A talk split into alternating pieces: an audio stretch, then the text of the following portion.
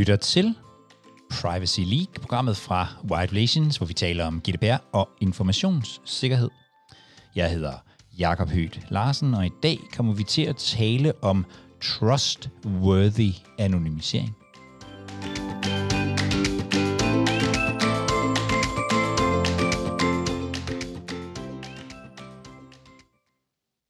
Og jeg sidder her i dag sammen med dig, Stefan Ingberg. Ja, dag. Velkommen til. Stifter af Pryway og Citizen Key. Ja. Og en, der oplever, jeg har sådan en, en, en stemme i uh, diskussionen om retten til, til privatliv. Og jeg har lagt mærke til, at at øh, du på mange måder øh, taler om det på en anden måde, end mange af os andre øh, gør. Og det synes jeg jo er sindssygt, øh, sindssygt interessant. Øh, øh, og mange af os, der arbejder med, øh, med GDPR, taler jo om, om trust. Men jeg ved, at du hellere vil tale om, at noget er trust øh, worthy, og det faktisk betyder noget helt andet øh, for dig. Kan du, kan, du sætte nogle, kan du sætte nogle ord på det? Jamen, du kan, du kan sige meget enkelt, ikke? Altså, mange GDPR-folk tror, at GDPR drejer sig om at beskytte data, databeskyttelse. Det gør det ikke. GDPR drejer sig om at beskytte mennesker. Ja. Og den bedste måde at beskytte mennesker, det er ved slet ikke at opsamle de data, som kan true mennesker. Mm-hmm. Persondata indebærer magt over mennesker, så derfor skal man slet ikke opsamle persondata. Og det er jo allerede indbygget i GDPR. Fordi GDPR taler om dataminimering i henhold mm. til state of the art. Og hvis du har dataminimeret så meget, så du slet ikke har opsamlet persondata, så kan du stole på det, så er det trustworthy. Så du kan sige, at forskellen mellem trust og trustworthy er meget enkel, at hvis, du, hvis der er noget, du er nødt til at stole på, så er det ikke trustworthy. Nej. End of story. Jeg kunne godt tænke, inden vi dykker lidt øh, ned i det, Steffen, så kunne jeg godt tænke mig at lære dig lidt bedre at kende. Hvad har din vej ind i retten til privatliv, om man så må sige, og, og, og hele det her område, hvad, hvad, hvad, hvad har den været? Jamen, det, jeg har egentlig været igennem sådan et forløb øh, med, med, med fire faser, kan du sige. Først var jeg 10 år i bank. Mm. Jeg kan mærke dat fra, fra CBS. Ja. Øh, det vil sige, at jeg er både datalog og ved en masse om økonomi. Mm-hmm. Øh, og i den fase læste jeg, fokuserede jeg meget på innovation i øh, komplekse systemer. Ja. Det vil sige, hvordan ændrer samfundet sig som helhed? Investeringer, cross-border og den slags ting. Jeg var blandt på London Business School og læse det. Ja. Og der lærte jeg helt basalt set noget, noget at, at sætte spørgsmålstegn ved de der gængse modeller, man arbejder med. Mm-hmm. Øhm, så arbejdede jeg i en årrække inden for sådan, jeg var med en opstart inden for optisk telekommunikation, som blev solgt for 500 millioner. Jeg var succesfuld iværksætter. Mm-hmm. Jeg, var, jeg havde kun en lille andel. Jeg var ikke en af dem, der fik ideen. Jeg var en, der var med til at bygge det op. Ja. Har været konsulent. Øh, men, men det, der så skete i den proces, nu snakker vi slut 90'erne, det er jo, at hele det her, som vi i dag vil kalde big tech, big data, AI, mm-hmm. det begyndte jo allerede at vise sig. Google var dukket op og den slags ting. Ja. Og det, det gik op for mig, det er, at markedet kan ikke overleve, hvis nogen kan akkumulere magt. Altså de der winner-takes-all-modeller. Mm-hmm. Øh, og så sad jeg jo i et valg. Altså enten så skulle jeg udnytte min viden om, at man kunne lave den slags modeller til at tjene en masse penge. Det, ja. det, det ville de fleste have gjort. øh, eller også så kunne jeg sige, jamen her har vi jo virkeligheden det spørgsmål, som er allermest universelt. Det vigtigste for vores tidsalder nærmest, vil jeg sige. Fordi ja. alt andet afhænger af identitet. Afhænger af, hvordan vi løser de her problemstillinger. Ja. Og der stiftede jeg bekendtskab med det, som man dengang kaldte øh, privatlivsfremmende teknologier, eller privacy enhancing technologies. Mm-hmm som man basalt set kender fra en masse steder. Ikke? Altså spioner gør det jo, de synes ikke, det er super smart, de kan identificeres eller, eller, eller findes, fordi så bliver de slået ihjel. Ikke? Ja. Soldater bag fjendens linjer, det vil sige, at vi har en masse teknologier til den slags. Det jeg bare så, det er, at den, den, den, den skal vi kalde den, den værtslige kommercielle del, den administrative del, slet ikke tog nogle af de her sikkerhedsmekanismer i brug. Mm-hmm. Selvom de er kritisk forudsætninger for, at vi kan beskytte mennesker og forbrugere ja. ind i rummet. Altså, det kan ikke være rigtigt. Mm. Så jeg besluttede mig så simpelthen i 99 at sige, det her, det er det, er det jeg beskæftiger med resten af mit liv. Ja. Øh, og så brugte jeg de næste 10 år på at lave forskning. Mm. Øh, jeg var inden for meget, blev hentet ind i alt, hvad hedder EU-sikkerhedsforskning. Mm-hmm. Øh, har været med overalt simpelthen. Jeg har været med NATO i Jerusalem, jeg har været med OECD, jeg har været repræsentant for EU i forhold til US omkring cybersecurity. Altså jeg har været med til alt, hvad der kan krybe og gå på det område. Ikke? Ja. Og sad blandt andet med, med roadmapping inden for sikkerhedsforskning. Mm-hmm. Op til omkring 2012. Jeg tænkte, okay, nu har jeg snakket sikkerhedsforskning nok. Nu, nu skal vi tilbage og lave noget. Ikke? Jeg er værksætter af baggrund. Så gik jeg tilbage til Danmark og tog fat i, i danske myndigheder, dengang Videnskabsministeriet, og var med til sammen med Videnskabsministeriet at lave en rapport om, hvordan man kan sikre den digitale verden. Mm-hmm. En, en rapport, der hedder Nye Digitale Sikkerhedsmodeller. Og de involverede embedsfolk og så videre, de sagde, yes, det her det er jo super godt, og, og videnskabsministeren, daværende Charlotte Schell Madsen, sagde, det er jo fantastisk, og nu har vi opbakning bag embedsfolkene, så det her det er det, vi skal. Og de gik mm. ud med brask og bram. Ja. Og så skete der ikke noget som helst. Mm. Og det lærte mig en helt fundamental ting, som er meget, meget vigtig. Det danske system har fået splittet ansvaret så meget op på så mange hænder, at der er ikke nogen, der er ansvarlig for noget som helst. Der er ikke nogen, der er ansvarlig for borgernes sikkerhed. Der er ikke nogen, der er ansvarlig for, at markedet fungerer. Der er ikke nogen, der er ansvarlig for, at rettigheder fungerer. Det er blevet et, et sådan et eller andet stort system, hvor det bare gælder om at, at vaske ansvaret væk på nogle andre i nogle store kasser. Mm-hmm. Og, det, og det, der basalt set gik op for mig der, nu snakker vi 2013-2014, er, at, at staten kan ikke varetage sit ansvar. Der er brug for noget udefra, der i virkeligheden rendyrket går ind og, og løfter de centrale dele af at give magten tilbage til borgeren, og så stille det til rådighed for staten. Mm-hmm. Og det er det, som vi i dag kalder citizen key, okay. der skulle gøre det. Ja.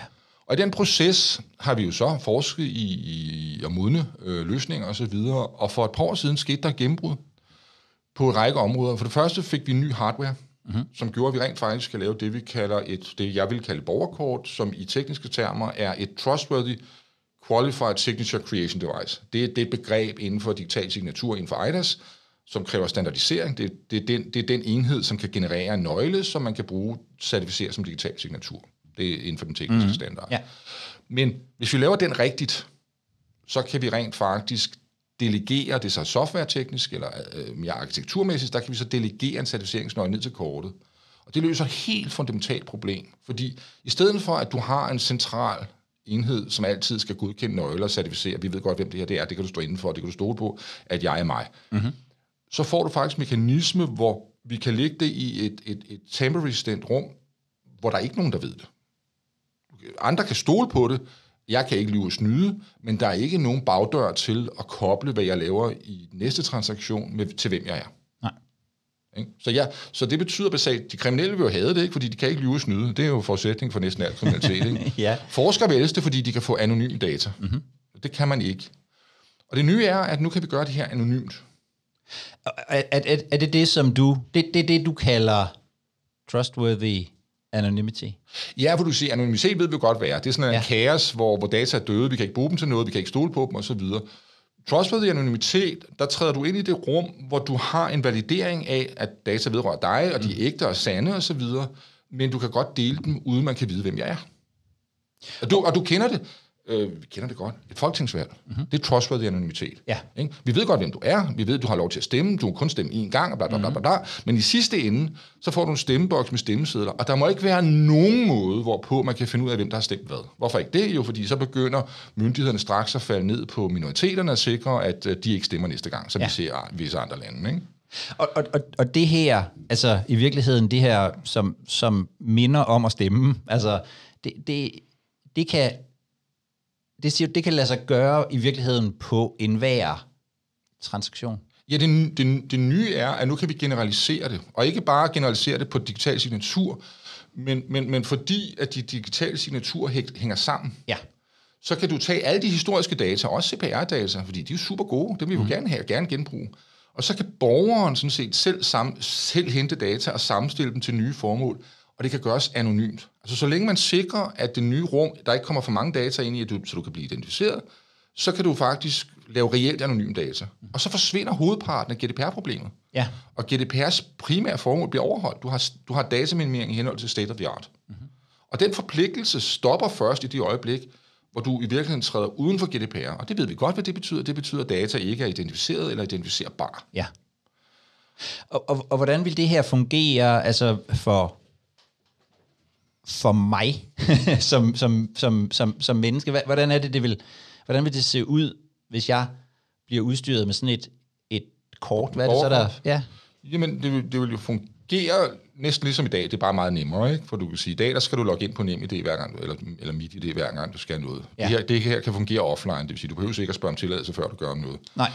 Øh, og, og, og fordi at, at du har sikkerhed med dig, du har biometri på kortet og den slags ting, ikke? så betyder det, at du kan lave det, vi kalder trustworthy remote onboarding. Mm-hmm. Det betyder basalt set, at selvom de andre ikke kender dig, så kan du faktisk etablere ansvarlighed ved tryk på en knap. Okay. Fordi du genererer bare en digital signatur, og hvis dem i den anden ende er nødt til at kunne stille dig til ansvar, fordi det er en del af transaktionen, det kan ikke foregå anonymt, det du skal der, så ligger der også en, en, et ansvarlighedsbevis, som kan dekrypteres af en dommer. Ja. Ikke? Men dommeren ved ikke, de har, altså staten ved ikke, at det her foretag, for det, sker, det kan principielt ske offline. Ikke? Ja. Men modparten har en måde, hvorpå de kan stille dig til ansvar. Okay.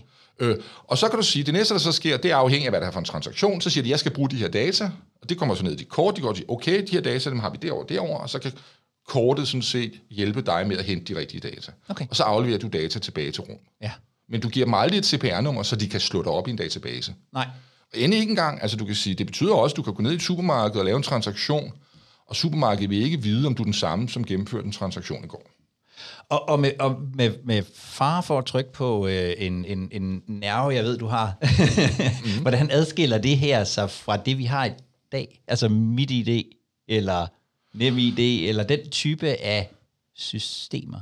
Jamen, nu skal du ikke snakke om den type af systemer. MitID er stort set den værste implementering af offentlig ID, man kan forestille sig. Okay. Det er det, vi kalder en, en server-side single sign-on. Og det betyder, at din suverænitetsnøgle til at underskrive på hvad som helst, den ligger inde i en central server. Mm-hmm. Og du kan ikke gøre noget uden at bede om tilladelse og logge først. Og det er jo håbløst. Altså, det, det, det er så forældet, som det næsten kan være. Det næste er jo, at frontenden, altså det, der ligger i mobiltelefonen, det er jo det, vi kalder security by obscurity. Det bygger kun på en fjernovervågning. Mm. Men i virkeligheden har du ingen kontrol over, hvad der foregår. Altså din mobiltelefon er basalt set en tracking device på dig. Ikke? Så, så du kan sige, øh, hvis du tager MitID som eksempel, det er stort set worst case implementering. Næsten alle andre løsninger er bedre i verden. Ikke? Mm-hmm. Men alle løsninger i verden på det område er faktisk dårlige i en eller anden forstand. Så det her drejer sig om, kan man sige, at lægge en sikkerhedsmodel ind under det nationale ID-struktur. Så man opgraderer sikkerheden i en national ID-struktur for de systemer, der allerede kører. Du får biometri på kortet, du kan ikke overdrage det osv., så du får meget, meget stærkere sikkerhed for de systemer, der er. Men det giver dem ikke datasikkerhed. Mm. Vel? Og så laver du simpelthen muligheden for, at du kan begynde at løse nye problemer på nye måder. Ja. Og, og du kan genbruge alle de data, du har. Og du skal være opmærksom på, hvis du laver anonyme data i en ny transaktion, så kan du også genbruge dem. Mm-hmm. Det vil sige, ganske langsomt kan du, kan du se den her innovation ske, hvor du langsomt omlægger de der gamle forældede CPR-baserede systemer til nye systemer, hvor man har struktur i data. Man kan ikke lyve snyde, man, man, du begynder ikke at få personlighed, personforveksling og så du bruger en borgers data til at behandle en anden dag, mm. det bliver en ret dum idé. Ikke? Ja. Øh, men data bliver låst til formålet, og dermed kan de ligge frit, sikkert. Og det, og det kan du også lave internt i de store offentlige computere, fordi du kan sige, så længe staten ikke kan vide, hvilke data der vedrører hvilke borgere i den store offentlige computer, så er det fuldstændig ligegyldigt, om det ligger i en central server, eller en kommersiel server, eller i blockchain, eller i Kina. Det er sådan lidt ligegyldigt. Og, og hvad er det sådan øh, lige præcis, der gør, at staten eller andre, for den sags skyld, ikke kan identificere? Altså, hvad, hvad, hvad er det for en fordi, mekanisme? Fordi, fordi, fordi kontrollen til at gøre det ligger sådan set helt ude hos borgeren. Okay. Øh, og, og, og du kan sige, det er fint nok, at man, at man i masser af sammenhæng har der brug for at kunne identificere dig betinget. Ja. Øh, men det kan krypteres på en sådan måde, at, at nøglen ligger uden for rummet. Mm-hmm. Ikke? Så der er ingen central magthaver, der ligesom kan vide alt om dig. I dag ved staten alt om dig. Ja. Øh, og de er endda begyndt at sælge det adgang til de data til kommersiel produktudvikling. Hvad foregår der i Danmark? Ikke? Altså mm. folk ryster på hovedet, når de ser, hvad der sker i Danmark. Ja. Øhm, og der er ingen grund til det. Nej. Og, og det er bare destruktivt, fordi det, det, skaber en, en, det skaber dårlige monopoler, det skaber dårlig IT-sikkerhed, det skaber mistillid, ikke tillid. Øh, og det gør det tungere og tungere. Og i virkeligheden er det meget, meget mere effektivt at dele data via den, som har behovet. Hvis jeg skal have, hvis jeg skal have en løsning her, service for dig, så er jeg den nærmeste til at hente data, og jeg ved, jeg kan være, at jeg har nogle data i udlandet, mm-hmm. som staten slet ikke kender til, det vil sige, du kan ikke finde den. Ja. Hvis, du skal, hvis du som systemudvikler skal koble op til alle de her systemer i hele verden for at få adgang til mine data, det er jo helt håbløst. Altså, du, det, tager, det bør ikke tage mange millisekunder, hvor folk kan se, at den ikke fungerer, den model. Men hvis jeg har adgang til alle mine data, så er det super nemt for dig som, som udvikler. Mm. Og hvis du, når du udvikler, ikke opsamler persondata, så er det også super meget nemmere for dig at, at håndtere det og administrere det. Det er meget billigere, det er meget mere effektivt. Du kan meget bedre dele det til underleverandører uden, altså databehandleraftaler, for, for at tage et simpelt eksempel. Ja. De bliver jo super nemme. Hør nu her, der står i vores aftale, vi opsamler ikke persondata. Mm. Færdig. Resten drejer sig bare om magtforhold mellem leverandører. Det er fint nok. Det er ikke noget problem. Nej, det er til at høre. Det er til at håndtere. Jamen det, det er helt naturligt, for det, det gør virksomheder naturligt. Ikke? De ønsker at beskytte deres, deres kommersielle interesser. Men de skal ikke beskytte deres kommersielle interesser ved at handle mennesker. Nej. Det er det, vi gør i dag i virkeligheden. Ikke? Det er, man, man, man, det jeg plejer at sige, det er rådyrene bliver enige om at dele byttedyrene, men det er ikke byttedyrenes interesse, vel? Og, øh, og, og, øh, og omdrejningspunktet af det her kort? Det, det, det, det, altså, du har brug for et eller andet, som du låser til borgeren på en sådan måde, så andre kan stole på de data, uden at de er nødt til at kunne vide, hvem du er. Ja.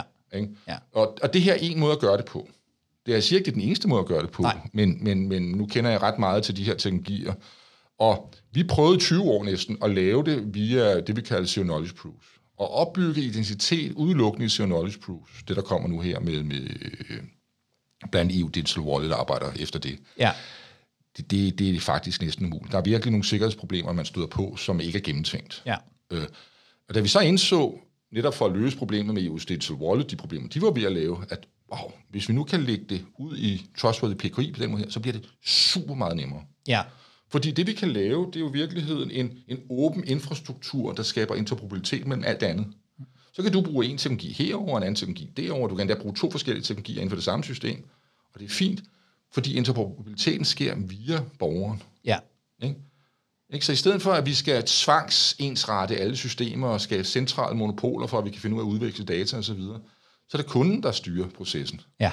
Ikke? Og hvis kunden ikke vil have din løsning, jamen, så får du ikke data. Og hvis kunden vil stoppe med at, med at service fra dig, jamen, så stopper de og færdig. Men, og, og det er virkelig det vigtigste. Det er fuldstændig bindegalt, at vi har lavet en konstruktion i øjeblikket, hvor data skal slettes igen. Mm. Ikke? GDPR siger, at du må ikke opsætte data, de skal beskyttes, og de skal, de skal have en masse restriktioner på, og så skal du slette dem lige så snart formålet er overstået. Det er da tusind gange mere effektivt, vi laver det sådan, så data aldrig behøver at blive slettet, fordi de er låst til transaktionen, og ikke til personen. Mm. Det løser cookie pop-ups forsvinder. Det problem forsvinder simpelthen, ikke? Ja. Øh, hele logningsbekendtgørelsesdiskussionen, det problem forsvinder simpelthen, mm. fordi der er ikke noget problem, at du logger på sessionen, men ikke på personen. Nej.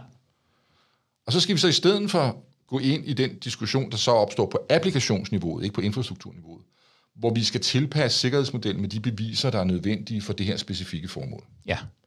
Og, og det betyder jo, at eftersom de fleste mennesker øh, og virksomheder simpelthen ikke har forudsætningerne for at tænke sikkerhed på det plan her, så kan vi faktisk ikke tillade os at tvinge anonymitet i hovedet på dem. Mm. Så, så for at få skærpt overensstemmelse mellem både GDPR og digital signatur, så det, som vi ligger op til, det er, at man skal lade det, vi kalder trustworthy anonymitet i den rene form. Det skal, være, det skal kræve samtykke fra leverandørens side. De skal sige, ja, vores sikkerhedsmodel, vores, vores sikkerhedsbehov kræver ikke ansvarlighed. Så kan vi lade det være trustworthy anonymitet. De kan stole på data, men de kan ikke stille dig til en ansvar hos en dommer. Mm. Ikke? Det sundhedsforskning har brug for det. Ja. Ikke? Eller adgang til politiske artikler, øh, så vi ikke har nogen politisk profilering, har brug for det kritisk. Mm. Ikke? Øh, mens hvis jeg er en almindelig virksomhed, som laver en simpel service osv., så, videre, så skal jeg bruge for en identitet, jeg kan stole på. Jeg har ikke brug for at vide, hvem du er, men jeg vil heller ikke løbe en risiko for, at du løber for regningen eller den kontrakt, vi laver. Så hvis vi laver en kontrakt, så vil jeg være sikker på, at jeg har en metode på, at jeg kan stille dig til ansvar, mm. hvis du ikke overholder kontrakten. Ja. Og processen til at stille dig til ansvar kan være dyr, øh, så hvis du ikke gør det frivilligt, så, øh, så, rammer, så får du en bøde for det, kan man sige. Det er sådan, systemet virker, ikke? Ja. Øh, hvis man ikke overholder de aftaler, vi har indgået. Men men, men du kan simpelthen lave det, vi kalder en trustworthy signatur, som er pareto bedre, end det, vi gør i dag. Ja.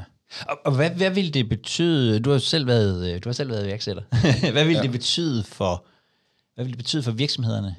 Det vil gøre deres verden ufattelig meget nemmere. Ja, på hvilken måde? For det første kan de få adgang til alle data. Ja. Ikke? Fordi det bliver ufarligt at dele data med virksomheden. Mm-hmm. Og jeg har ret til mine data, også i, også i sundhedssektoren. Det vil sige, jeg kan dele data fra sundhedssektoren med virksomheden. Jeg kan dele data fra en udenlandsk sundhedssektor med en dansk virksomhed, for den sags skyld. Ikke? Ja. For det andet er, at virksomheden får jo stærk cybersecurity, stærk privacy, stærk compliance by design via infrastrukturen, mm. uden de skal have et stort, bekosteligt implementeringsprojekt foran. De kan koncentrere sig om deres service, Ja. Og store dele af det kan meget nemt outsources til nogle andre, som er professionelle til at lave den, lige præcis den type service. Mm-hmm. Ikke? Så det vil sige, at set fra virksomhedens synspunkt, så kan de fokusere på den værdiskabelse, som er deres raison d'être, uden alt det der sådan, overflødige besvær, som der er i øjeblikket. Tager du et IT-projekt i en virksomhed, så bruger man jo måske 80-90% på compliance mm-hmm. og integration og håndtering, og jeg skal komme efter dig. Og der er en meget lille del, der er tilbage til selve servicen. Mm. Ikke? Ja.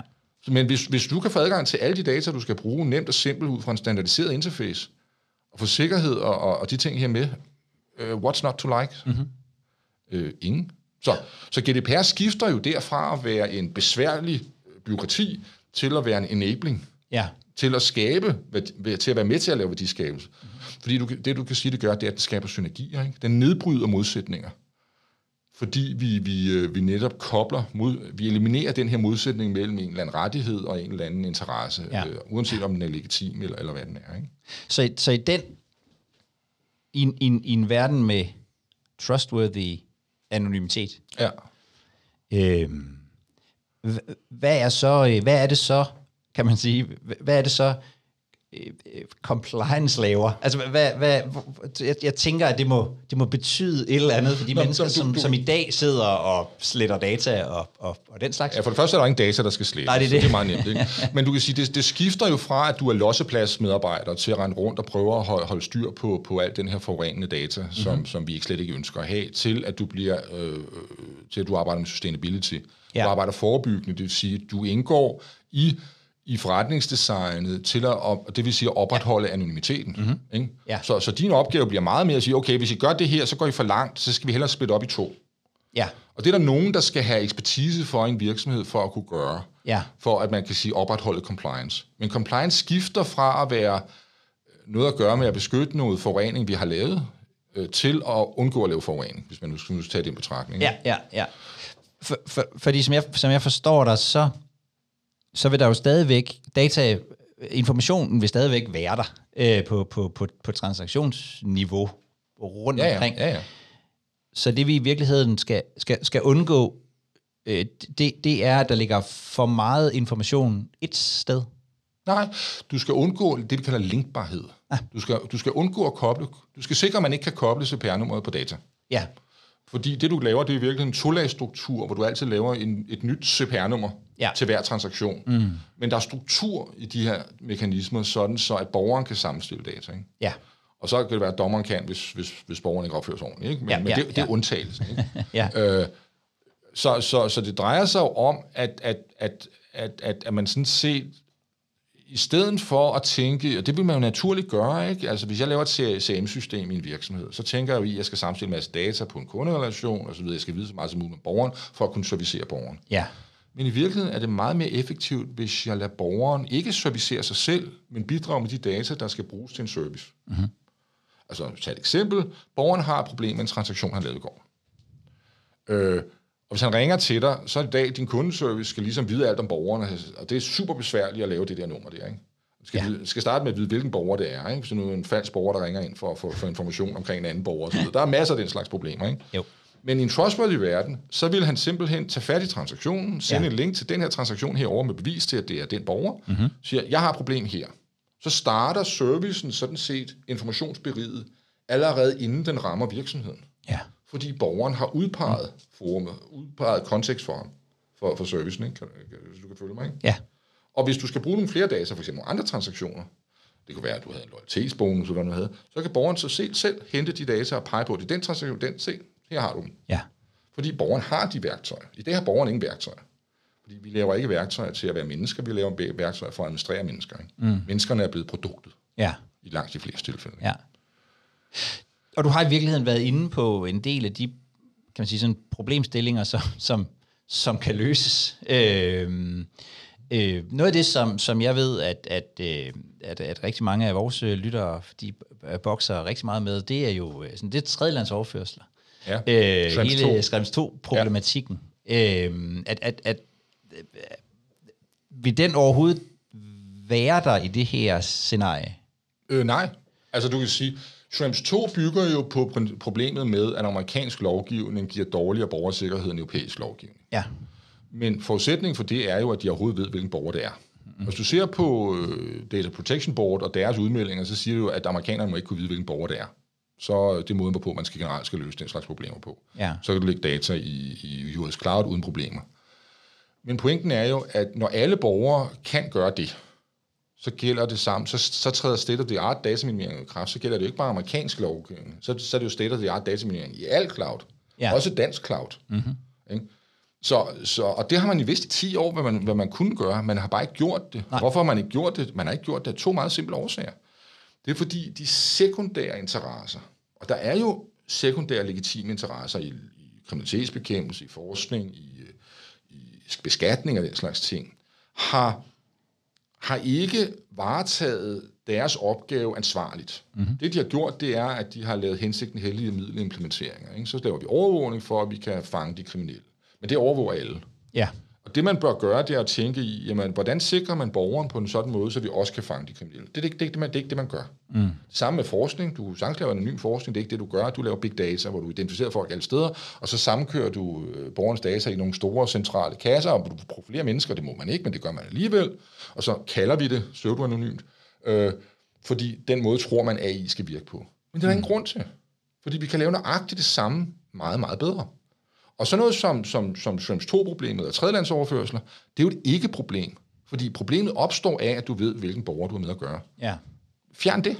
Fjern problemet. Eliminer årsagen til problemet. Så kan du dele alle de data, som du har lyst til.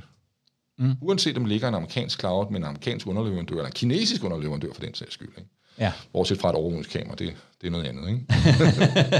Lidt svært at gøre sådan helt. Ja, biometri kan ikke sikres. Nej. Det, og, og det, er jo, det er jo en væsentlig del af det her. Det er derfor, du skal flytte biometrien ud i det, vi kalder borgerkortet. Altså, øh, fordi du skal ikke have biometriopsamling noget sted. Mm.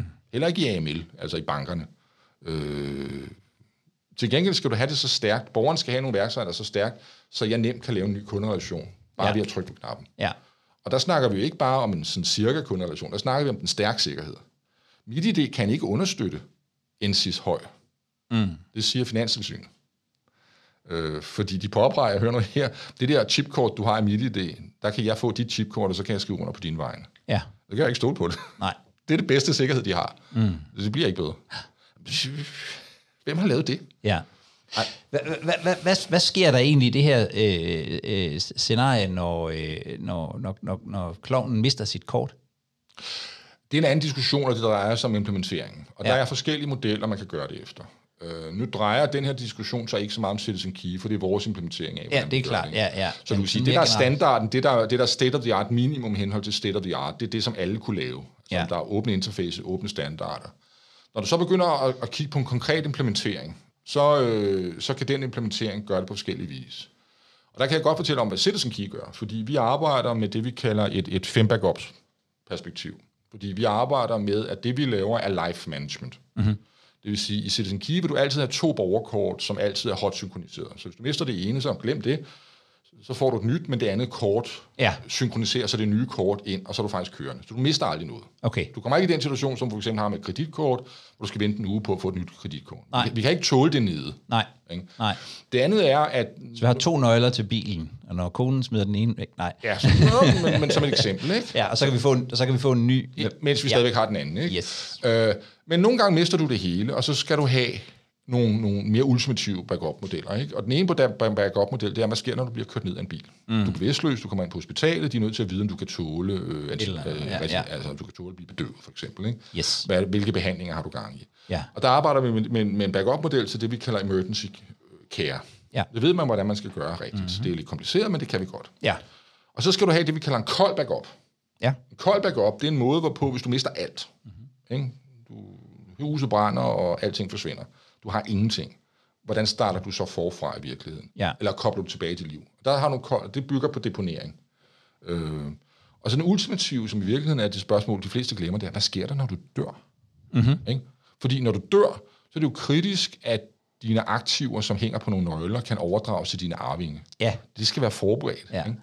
Og det andet er, hvis du tager sundhedsforskningsperspektivet, vi vil fandme vide, hvorfor du døde. Ja. Ikke? Fordi, Jo, jo. fordi hvis vi skal forske i at forebygge, at den næste dør er det samme, som du døde af, Ja. så er vi nødt til at vide, hvorfor du døde. Og det kan jo godt være baseret på data, der kan gå helt tilbage til, da du var mange år siden. Ikke? Ja, det er klart. Hvor du spiste noget forkert, eller levede dårligt, eller hvad det gjorde, som gjorde, du døde 10 år, før du egentlig burde. Ikke? Ja. Så, så vi har nogle meget interessante spørgsmål, der hedder, hvad sker der efter du dør? Ja. Og de skal være forberedt, mens du lever. Ja. Så du er nødt til at tænke i, i hele livsperspektiv, Ja, det er klart. Ja. for at du gør det. Så, så, så, så spørgsmålet om, hvad der sker, når du mister dit kort? Ingenting. Nej. Du oplever det dårligt. Ja. Fordi det kort, du mister, det dør af sig selv. Det er, der bygger vi med det princip, som vi kalder graceful degradation. Ja. Det dør helt af sig selv. Mm-hmm. Men det sker langsomt, fordi du er også nødt til samtidig offline-betragtninger. Ja. Så, så teknisk set er, der, er det faktisk ret udfordrende at gøre det rigtigt. Ja. Det vil jeg lade være med at prøve at beskrive. det, det er helt fair. Det var bare mig, der, der lige sad og tænkte i Jamen, det er øh, helt i- naturlige i- i spørgsmål. del. Ja, ja. Øh, og, og, og du kan sige, det er, jo- det, er, jo- det er jo de spørgsmål, vi ikke stiller til MitID. Altså det her, Ja. det, det her det er jo generationer længere frem end MitID. ja, ja. Fordi MitID drejer sig bare om, hvordan kan staten og Nets holde styr på dig, ikke? Ja. eller finansbanker, bankerne her i det her tilfælde. Ikke? Jo. Fordi det eneste, de er interesseret i, det er overvågning. ja. De er ikke interesseret i sikkerhed. Og, og jeg oplever i virkeligheden, at, at, øh, at øh, øh, når, når, øh, når, du, når du ser på verden, så, så, så ser du noget andet end øh, en, en, en stor del af befolkningen. Altså når du ser på den her del af det. Øhm, så så mit, mit spørgsmål er også sådan lidt, øh, er, er, er det her sådan et, er det et enten eller? Altså kan man, kan man, kan man starte det uden at alting bliver lagt om? Kan, kan det starte et sted at arbejde, Ja, ja. eller er det... Ja, hvordan kommer man i gang? Det er nok i virkeligheden det, jeg... Altså, hvis man vil gå den vej, hvordan, hvordan, hvordan kommer man så øh, i gang? Men, men det, har Med vi, det. det. Det, det er faktisk det, vi viste over for Digitaliseringsstyrelsen. Jeg viste det her i onsdags i, øh, i Warszawa, hvor vi var til en workshop, hvor vi, hvor Ja. vi skulle fortælle om, hvad state of the art er inden for, øh, for, øh, inden for GDPR-krav til digital identitet. Ikke? Ja, Fordi i princippet, som jeg, som jeg sagde, det er ligegyldigt, hvilken teknologi du har. Ja. På det første, så går du ud fra, at den er dårlig. Ja. Øh, fordi den bygger på dårlige tekniske standarder, det er forældet implementeret, og du har ikke kunnet det. Og det ved vi godt. Så det vores ønske er ikke at erstatte den teknologi med en anden teknologi. Mm-hmm. Det er at hente den der, hvor den er. Sige, det du gør, det er, at du bygger et, et kort ind under den sikkerhed, og så opgraderer du sikkerheden en lille smule ja, øh, i, i den teknologi, du nu har. Mm-hmm. Det kan du gøre med MIDI, ret nemt, for du kan bare erstatte chipkortet med et andet chipkort, så er du faktisk kørende. ja, Men det du så får, det er så muligheden for, at du nu kan begynde at lave løsninger for fremtiden. ja, Ikke? Fordi nu kan chipkortet nu begynde at lave nye digitale signaturer, som er MIDI-signaturer. Altså, tag ikke fejl, altså vi snakker ikke om, at vi skal lave en parallel setup. Det, du kan jo godt lave stærkt sikrede løsninger i et dårligt sikret rum. Det svarer, du kan, du, mentalt set kan du sige, du kan godt tage et hazmat-kostume på, så kan du bevæge dig, bevæge dig rundt i Ebola-land. Så kan du godt være sikker i Ebola-land. Ikke? jo, jo, Øh, og Ebola-land, det er, hvis du render rundt og identificerer folk med CPR-nummer osv. Og Yes. yes. hazmat-kostyme, det er, hvis du ikke kan identificere dig med CPR-nummer, ja. så er du sikker. Mm. ja, Trustworthy betyder så ikke, at det er din sikkerhed på andres bekostning, altså det, du vil kalde reel anonymitet, men at, at alle stakeholders i en transaktion, inklusiv staten, Ja. på vegne af andre borgere, altså anti-crime, det slags ting, det er, det er fuldstændig, fuldstændig legitimt, at andre borgere til en transaktion siger, at vi har lov, vi vil være sikre på, at der bliver betalt moms. ja, Vi vil være sikre på, at, at vi kan forske. Vi vil være sikre på, at, at der ikke er kriminalitet involveret i det her osv. Men du skal dataminimere til det punkt, hvor du ikke overvåger borgeren. ja. Så nemt er det. Ser du, øh, ser du nogle udviklinger i retning af det her? Nu, nu tænker jeg ikke nødvendigvis kun Danmark, men også sådan, altså... Resten af verden. I resten af verden? Ja, ja. Ser du på EU's digital øh, wallet for eksempel, altså det, der hedder IDAS 2.0, det Ja. bygger jo på princippet om, at nu skal borgeren begynde at have sine credentials ude hos sig selv. Ja, Og det er 100% stik modsat af det, der sker i Danmark. Mm-hmm. Danmark er stort set, vi far vild for 20-30 år siden, og har, har ligesom dyrket vores egen lille paradigmerum der, hvor alting skal centralt monopoliseres osv. Øh, resten af verden har for længst anerkendt, at det her, det ikke er vejen frem. Men, når det er sagt, det at lave det ordentligt er svært. ja, Og det betyder, at kigger du rundt omkring i verden, så ser du forskellige modeller med forskellige problemer. Nogle af dem er værre end Danmark. Indien for eksempel, hvor det hele kører på biometri. Ikke? ja.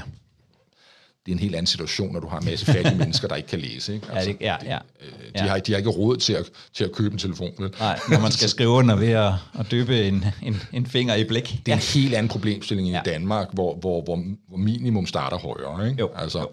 Så, så du kan sige, ser du i udlandet, så finder du stort set ingen lande, der er værre end Danmark. Øh, altså du selv sat til Kina, så har de faktisk noget lovgivning over for virksomheder, som er bedre end i Danmark. Men staten er stort set på niveau med Danmark. Danmark er bare på mange punkter mere overvåget, end Kina er. Ikke? Mm.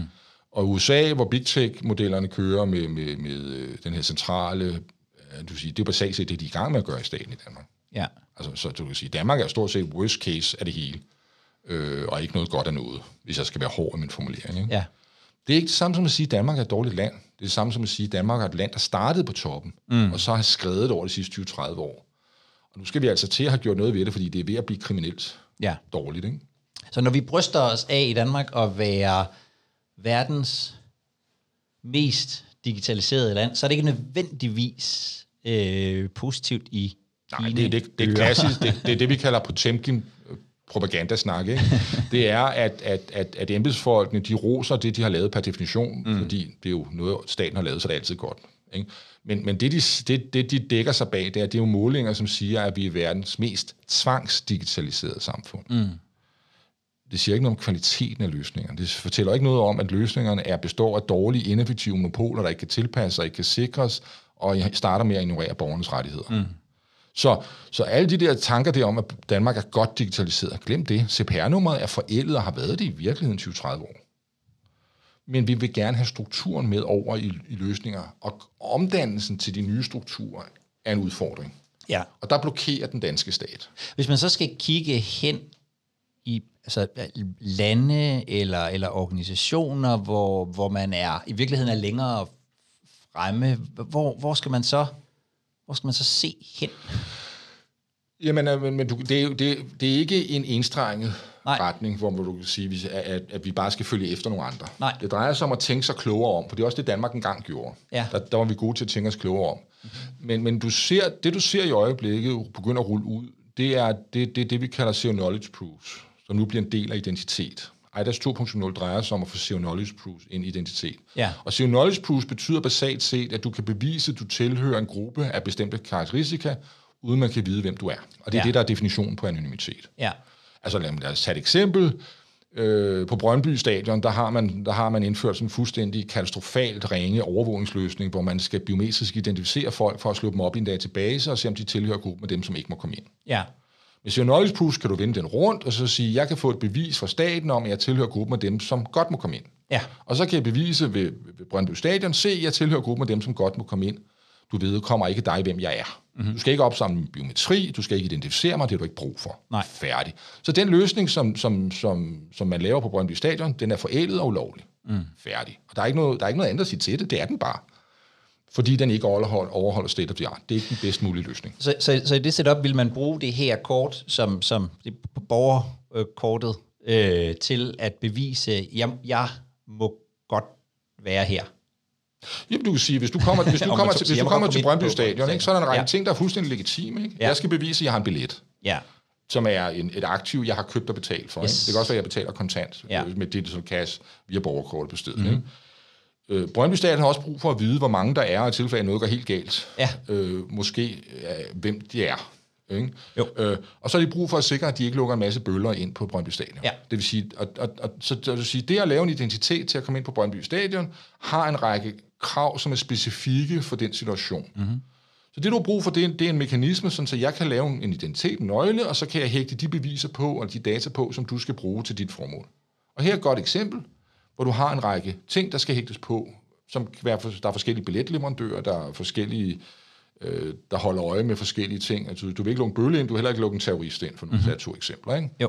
Og, du skal også, du skal, og det bliver måske mere avanceret, fordi du skal til at holde styr på, at, at, øh, for, at øh, dem, der er øh, fra det ene hold, skal i den ene ende af Ja, stadion, og ja, fra ja. det andet hold skal i den anden ende stadion, så de ikke slås så meget. Det synes jeg også er en god idé. Det vil, ja. sige, det vil sige, du begynder at få nogle flere nuancer på, øh, og det betyder, at du har brug for digitale strukturer, som kan tilpasse sig til situationen dynamisk og fleksibelt. Ja. Det kan de nuværende ikke, fordi det er bare dårlige overvågningsløsninger, ligegyldigt hvad vi gør. Og i stedet for at tage alle de her oplysninger om, at øh, jeg holder med AGF og ikke er terrorist, og hælde dem ind i En central et database. stort system, og så lave noget ansigtsgenkendelse på det, så vil du placere dem forskellige steder, og så, og så trække dem, Ja, ja, fordi, når jeg har brug for. Ja, fordi du kan sige, bølleregisteret, Ja.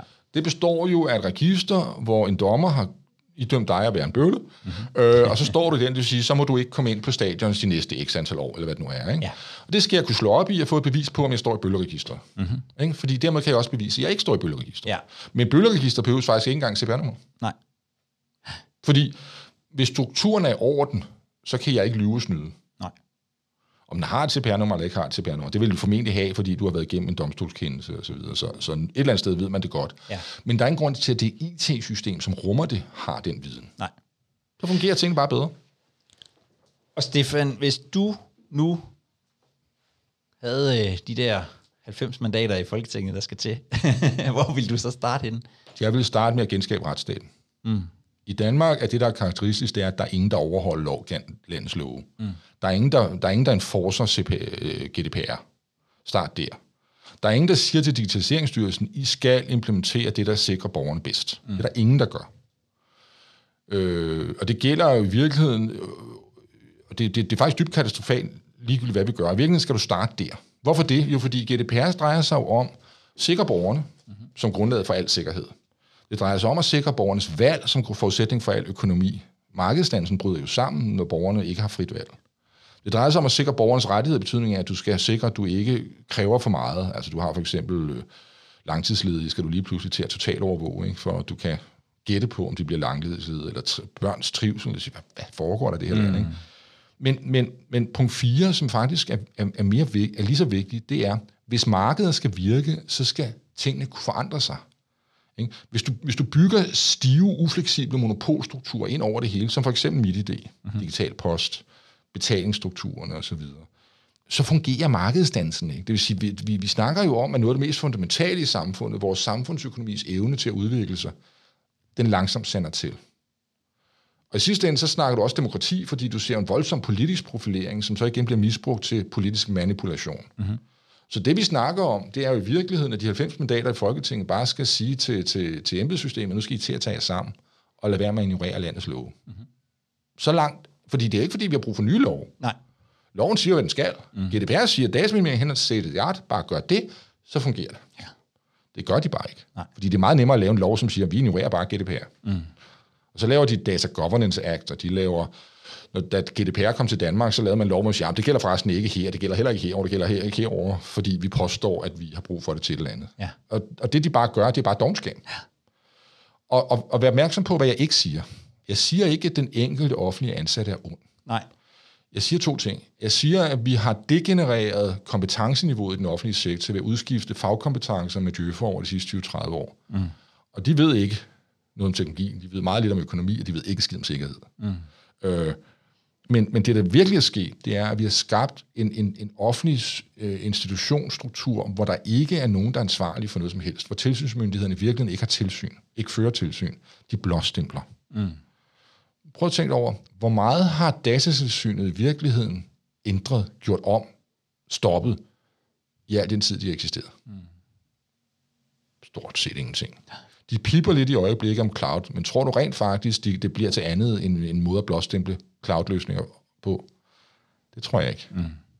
Så vi har et problem i Danmark, der hedder, at der i virkeligheden ikke er retssikkerhed. Og du ser det med logningsbekendtgørelsen, du ser det med MitID, du ser det nu her med data for liv, hvor man begynder at sælge borgernes data, som man har tvangsopsamlet. Mm. Og du ser det på en stadig mere, stadig mere ineffektiv offentlig sektor.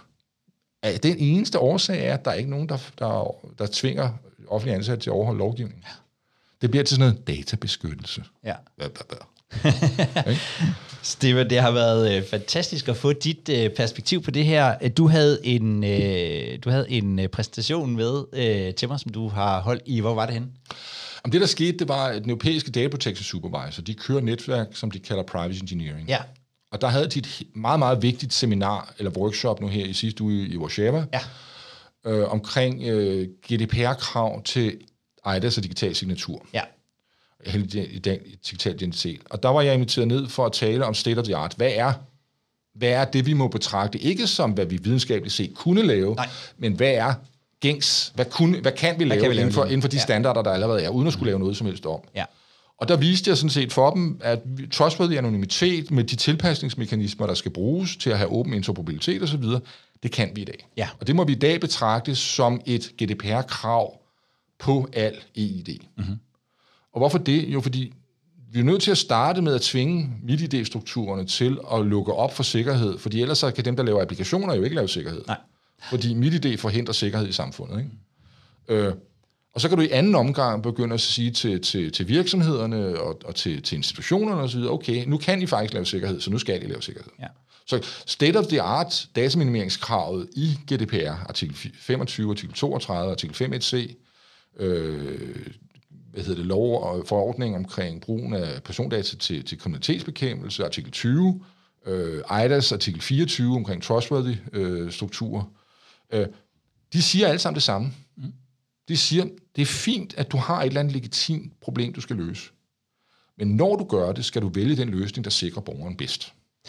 Og den præsentation, den har jeg fået lov til at linke til yes. i vores øh, show notes, øh, så, så man kan gå ind og hente hvis man vil dykke lidt mere ned i det.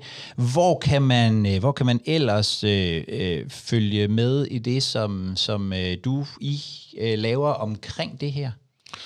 Jamen altså, Citizen Key er jo øh, en implementering af det, vi kalder Trustworthy PKI. Ja. Og, og vi bliver jo meget aktive nu her. Faktisk så i, de, i løbet af de næste par måneder, så starter vi det, vi kalder Citizen First. Mm. Og Citizen First bliver en selvejende forening, som skal stille det her til rådighed for alle i Danmark, sådan så du kan lave gratis nye digitale signaturer. Og det virker, virker så, så simpelthen som en videreudbygning af mit idé. Mm. Øh, problemet er altså bare, at Digitaliseringsstyrelsen i dag blokerer for, at man må sikre noget som helst i Danmark. Ja. Så det skal vi jo så gjort noget ved. Ja. Øh, så begynder vi så i den private sektor i udlandet, og så, okay. så kommer vi så til. Og der, kan man, der, der vil du få masse mere at vide, og du kan blive medlem. Der vil man. Der vil man både kunne følge med og blive øh, medlem, og få, medlem. få de værktøjer, du skal bruge for, at du kan gøre det, fordi staten kommer ikke at lave det til dig. Det Nej. tror vi ikke på. Du har lyttet til Privacy League, programmet fra Wired Relations, hvor vi taler om GDPR og informationssikkerhed.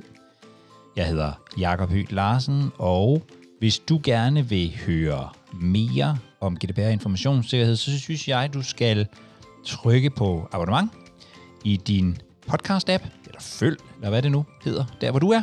Og så vil der minimum en gang om ugen komme nyt om øh, det her emne lige ind i dine ører.